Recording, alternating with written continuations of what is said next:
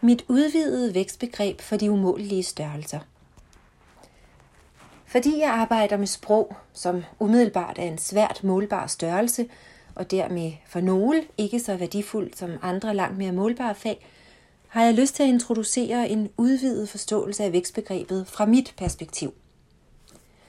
I vores tid kan det umuligt komme bag på nogen, at alting har en ydre form og en indre form, at vækst finder sted i det ydre og i det indre, at der er målbare størrelser og svært målbare størrelser.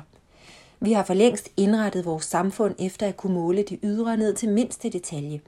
Det har vi dygtige økonomer til, tænketanke og analyseinstitutter. Og det er rigtig godt. Men vi mangler en metode til at kunne værdisætte alt det, der ikke kan tælles, for at være i stand til at udtrykke, hvor meget det betyder for os, og hvor meget vi har bevæget os. Det gælder værdien af det, vi oplever og erfarer og lærer. Nogle oplevelser og erfaringer gør et så umådeligt indtryk på os, at det ændrer os, og vi bærer det med os for evigt. Det kan være små ting, de mindste detaljer, såvel som store ting, de største detaljer.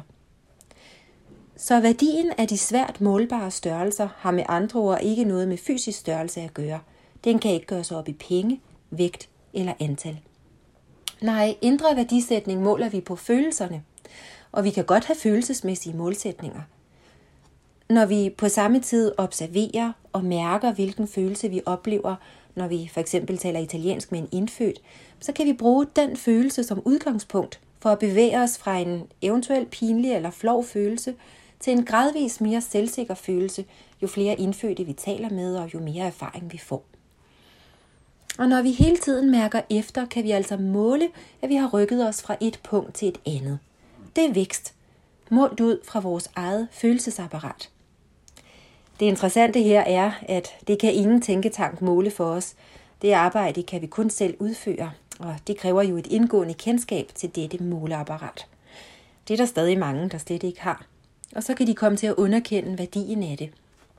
Men det må starte med erkendelsen af, at der findes forskellige måleapparater, der måler forskellige ting, der er lige meget værd, hvad end de kan tændes eller ej.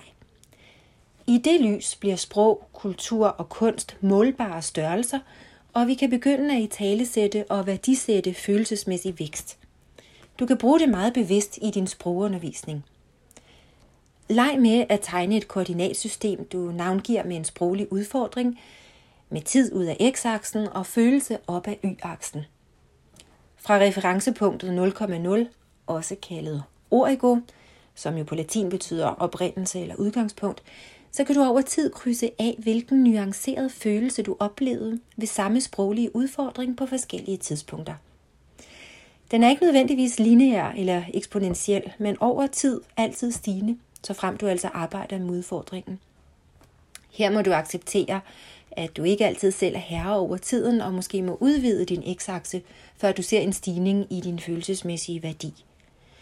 Du skal også være med på, at der ikke er noget dårligt ved at være på en såkaldt dårlig følelse, men at du måler din fremgang på den følelsesmæssige lethed. Når noget falder dig let, er det i sagens natur ikke længere svært eller tungt at have mere at gøre, og du har altså vækstet sprogligt. Dette er bare for at anvende en målemetode, vi allerede kender. Den kreative løsning vil selvfølgelig være at udtrykke væksten på din egen særlige måde, der i sig selv kan blive et lille kunstværk. Det ser vi, når følelserne for eksempel er udtrykt i sang eller i billeder, og så er du kommet rigtig langt. Jo mere du gør det, og jo flere der gør det, des vigtigere vil kunst, kultur og sprog fremstå. Simpelthen fordi vi lærer at forstå og synliggøre deres værdi.